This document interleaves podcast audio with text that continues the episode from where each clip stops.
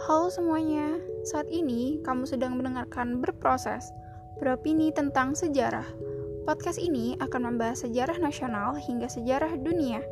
Kami akan mengupas satu persatu topik untuk menemukan cerita-cerita sejarah yang menarik. Oke, pada kesempatan kali ini, saya akan membahas mengenai masa demokrasi terpimpin di Indonesia yang berlangsung tahun 1959 sampai 1966. Selamat mendengarkan.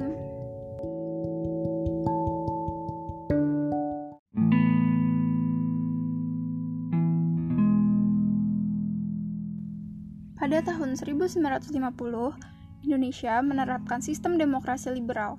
Namun, dalam pelaksanaannya, banyak penyimpangan-penyimpangan yang terjadi sehingga timbullah ketidakpuasan rakyat. Sistem demokrasi liberal hanya bertahan selama 9 tahun yaitu pada 1950 sampai 1959. Sistem demokrasi liberal memiliki dua kelemahan pokok, yaitu mudah pecahnya proses coalition boiling yang disebabkan oleh perbedaan kebijaksanaan sehingga menyebabkan perubahan kabinet dalam waktu singkat. Tercatat, selama masa demokrasi liberal telah terjadi pergantian kabinet sebanyak tujuh kabinet. Kelemahan yang kedua ialah kabinet-kabinet tersebut tidak lagi fokus pada pembangunan nasional. Dua kelemahan tersebut menyebabkan ketidakstabilan politik Indonesia. Hal ini menimbulkan rasa ketidakpuasan rakyat kepada pemerintah pusat. Ketidakpuasan rakyat juga mendorong terjadinya beberapa pemberontakan di Indonesia.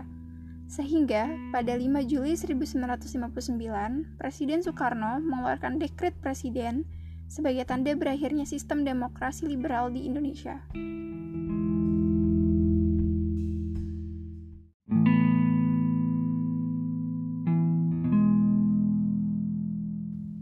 Latar belakang diterapkannya demokrasi terpimpin di Indonesia – terdapat beberapa peristiwa yang mengakhiri demokrasi liberal sehingga mulai diterapkannya demokrasi terpimpin, yaitu ketidakstabilan politik, terjadinya pemberontakan yang mengancam persatuan, gagalnya badan konstituante dalam merumuskan undang-undang, adanya dukungan militer dalam pemerintahan, dan besarnya Partai Komunis Indonesia. Dekret Presiden yang dideklarasikan oleh Soekarno pada 5 Juli 1959 ini berisikan Pertama, pembubaran konstituante Kedua, pemberlakuan kembali Undang-Undang 1945 Ketiga, pembentukan Majelis Permusyawaratan Rakyat Sementara dan Dewan Pertimbangan Agung Sementara Secara tidak langsung, dekret ini juga menandai berakhirnya demokrasi liberal dan dimulainya demokrasi terpimpin.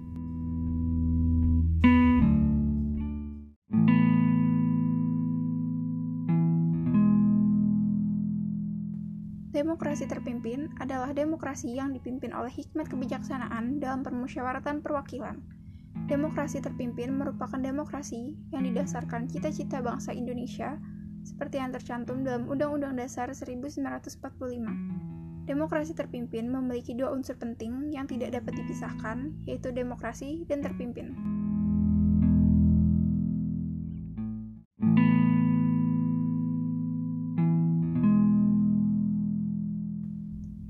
Pada masa demokrasi terpimpin, Presiden Soekarno membentuk banyak lembaga pemerintahan yang bertujuan untuk memenuhi kelengkapan aparatur negara yang gagal dibentuk oleh Badan Konstituante. Pada tanggal 9 Juli 1959, Kabinet Karya dibubarkan dan diganti dengan Kabinet Kerja. Lalu, pada 22 Juli 1959, dibentuk Dewan Pertimbangan Agung atau DPA dengan 45 anggota di mana Presiden Soekarno sebagai ketuanya. Selain membentuk DPA, juga dibentuk Majelis Permusyawaratan Rakyat Sementara yang keanggotaannya dirancang dan dilantik oleh Presiden. Namun, para anggota MPRS terlebih dahulu harus memenuhi persyaratan. Persyaratannya tersebut di antaranya ialah setuju untuk kembali ke Undang-Undang Dasar 1945 dan setuju dengan manifesto politik serta setia kepada Republik Indonesia. Tugas MPRS ialah menetapkan garis-garis besar haluan negara atau GBHN.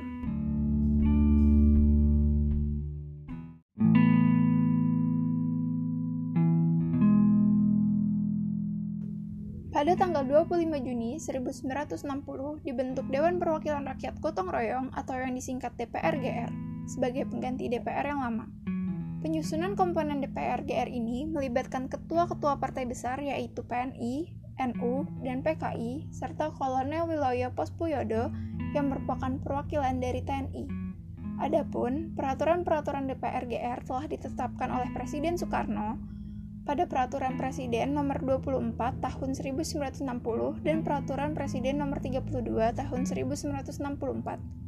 Banyaknya sikap penolakan dari beberapa anggota partai atas pembentukan DPR GR menyebabkan terbentuknya kelompok Liga Demokrasi yang beranggotakan dari kalangan partai penolak tersebut. Mereka menuntut agar dibentuk DPR yang baru dengan sistem yang demokrasis dan konstitusional.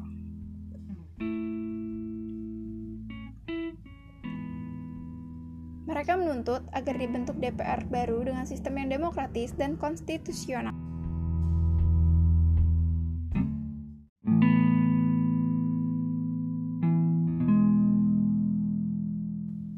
Partai penolak tersebut. Mereka menuntut agar dibentuk DPR baru dengan sistem yang demokratis dan konstitusional.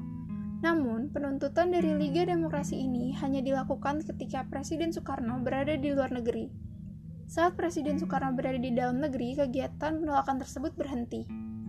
Selain itu, juga terdapat persaingan yang ketat di antara ketiga partai besar yaitu PNI, NU, dan PKI serta kekuatan pada TNI. Suasana politik di Indonesia semakin memanas ketika Presiden Soekarno dianggap memiliki kedekatan khusus dengan PKI yang mengakibatkan pecahnya konflik dingin di dalam tubuh pemerintahan. Hingga puncaknya pada tahun 1965, PKI tidak terdapat lagi dalam keanggotaan DPR GR. Hal ini dikarenakan terjadinya peristiwa G30S PKI di mana PKI diharuskan untuk menanggung konsekuensi dari peristiwa tersebut.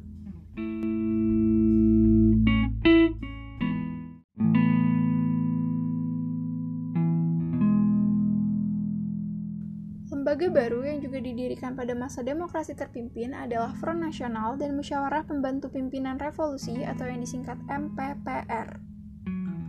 Front Nasional merupakan sebuah organisasi massa yang bertujuan dalam memperjuangkan cita-cita proklamasi yang terkandung dalam Undang-Undang Dasar 1945. Front Nasional dibentuk atas dasar penetapan Presiden nomor 13 tahun 1959 Sedangkan musyawarah pembantu pimpinan revolusi merupakan sebuah lembaga yang bertugas untuk membantu pemimpin besar revolusi dalam menentukan kebijakan baik yang bersifat khusus maupun darurat terkait dengan revolusi. Adapun pembentukan MPPR dibentuk melalui penetapan Presiden nomor 4 tahun 1962. Pada masa demokrasi terpimpin ini, Presiden Soekarno banyak membuat lembaga baru yang dinilai sebagai salah satu strategi untuk melanggengkan suatu kekuasaan atas dirinya.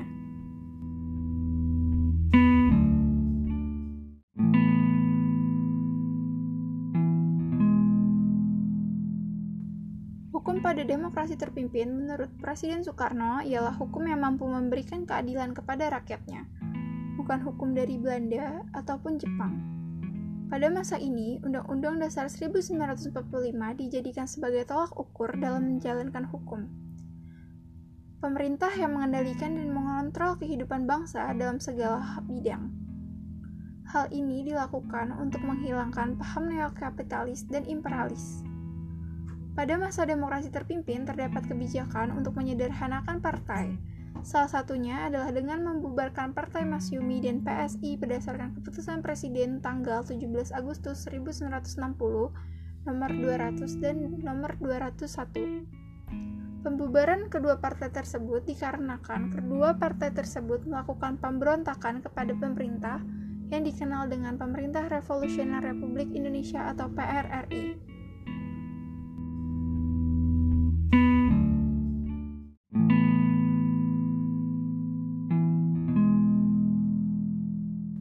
Pada periode demokrasi terpimpin, mulai muncul gagasan Nasakom atau nasionalis agama dan komunis.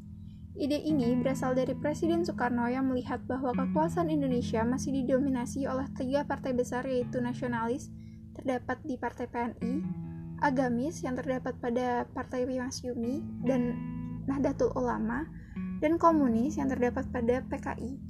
Melalui hal ini, Soekarno ingin menyatukan ketiga paham tersebut melalui Nasakom agar bangsa Indonesia tidak terpecah belah sehingga kekuatan politik Indonesia dapat bersatu. Namun, dalam realitanya, gagasan Nasakom ini justru menimbulkan perselisihan yang akhirnya menyebabkan peristiwa G30 SPKI.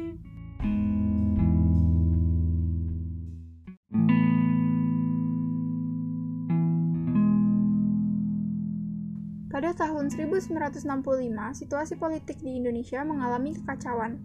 Adanya PKI yang lumayan menonjol dalam pemerintahan membuat kecemburuan pada beberapa pihak hingga menimbulkan peristiwa Gestapo 1965. Selain itu, ditambah dengan keadaan ekonomi yang semakin memburuk, membuat rakyat membuat kesatuan aksi, yaitu di antaranya adalah Kesatuan Aksi Mahasiswa Indonesia atau KAMI, Kesatuan Aksi Pemuda Indonesia atau KAPI, Kesatuan Aksi Guru Indonesia atau KAGI. Berbagai kesatuan aksi tersebut menuntut pemerintah dengan membentuk suatu front yang bernama Front Pancasila. Kesatuan aksi tersebut mengajukan tuntutan yang dikenal dengan Tritura atau tiga tuntutan rakyat. Mereka melakukan aksi di gedung DPR GR dengan membawa tiga tuntutan yaitu melaksanakan kembali Undang-Undang Dasar 1945 secara murni dan konsekuen, membubarkan Partai PKI, serta menurunkan harga barang. Adapun tuntutan yang diinginkan rakyat bertujuan untuk mengembalikan keadaan bangsa Indonesia agar kembali stabil dan menda Adapun tuntutan yang diinginkan rakyat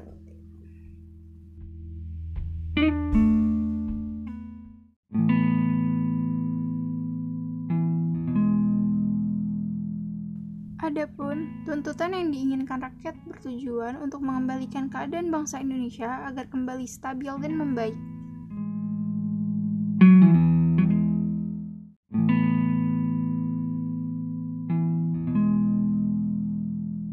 Insinyur Soekarno merespon aksi tiga tuntutan rakyat dengan meresafel kabinet menjadi kabinet Wikora yang disempurnakan. Namun, rakyat semakin kecewa dengan respon Insinyur Soekarno karena PKI justru dimasukkan dalam jajaran kabinet dalam jumlah yang banyak. Presiden Soekarno juga membentuk Barisan Soekarno sebagai tandingan dari aksi massa. Namun, hal ini ditolak oleh ABRI dan pada tanggal 18 Januari 1966, ABRI melakukan pelarangan terhadap Barisan Soekarno. Setelah Barisan Soekarno bubar, kemudian dibentuklah Barisan Pembela Pemimpin Besar Revolusi yang justru membuat situasi politik di Indonesia semakin memanas. Pada tanggal 24 Februari 1966 terdapat aksi yang dipelopori oleh kami yang berupaya untuk menggagalkan upacara pelantikan kabinet baru. Para aksi massa melakukan pemblokiran di jalanan dan mengempeskan ban-ban yang menimbulkan kemacetan parah. Hal ini mengundang kemarahan Insinyur Soekarno sehingga pada 25 Februari 1966, Presiden Soekarno membubarkan kami. Namun, tindakan Soekarno ini masih belum mampu meredam aksi massa dan justru membuat wibawa pemerintah di mata rakyat menjadi turun.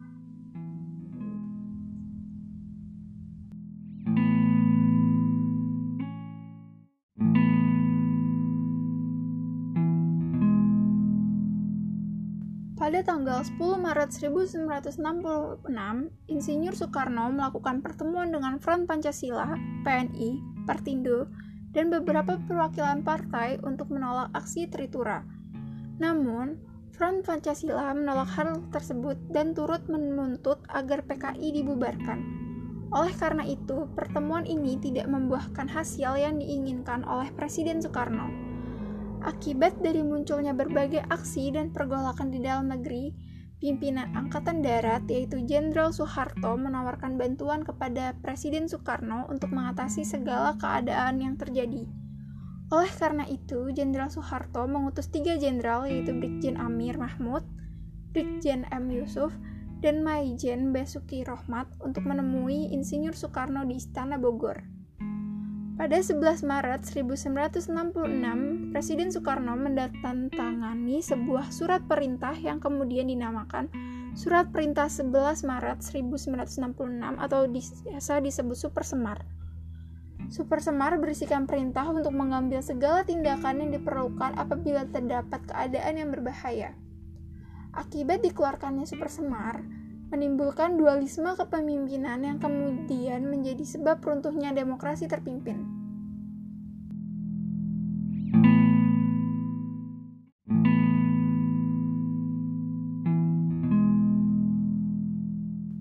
Dengan adanya dualisme kepemimpinan di tubuh pemerintahan membuat masyarakat Indonesia bingung dan membuat pamor Presiden Soekarno pun menurun. Masyarakat pun menuntut Presiden Soekarno untuk mundur dari jabatannya. Sehingga Presiden Soekarno mundur dan diangkatlah Jenderal Soeharto sebagai presiden selanjutnya. Super Semar inilah yang menimbulkan runtuhnya demokrasi terpimpin.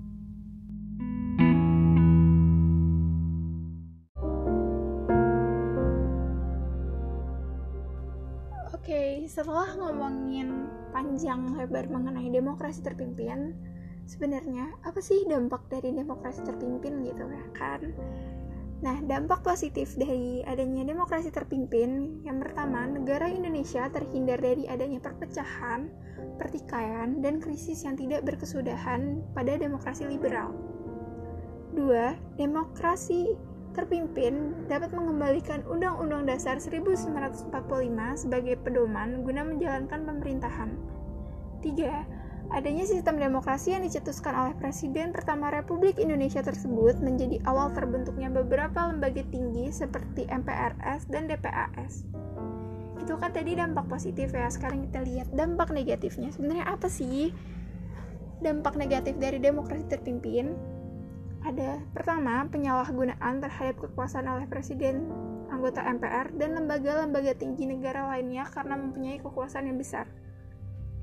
Dua, pemberlakuan dua fungsi atau dua fungsi militer sehingga militer bisa ikut berpolitik dan tumbuh dalam tubuh pemerintahan.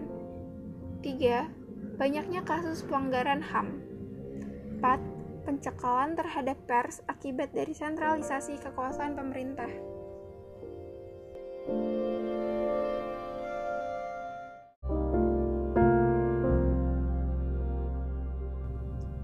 Mungkin sekian yang bisa saya sampaikan pada kesempatan kali ini.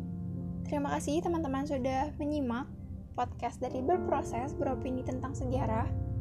Mungkin kita dapat bertemu di lain waktu dengan bahasan yang tidak kalah menarik.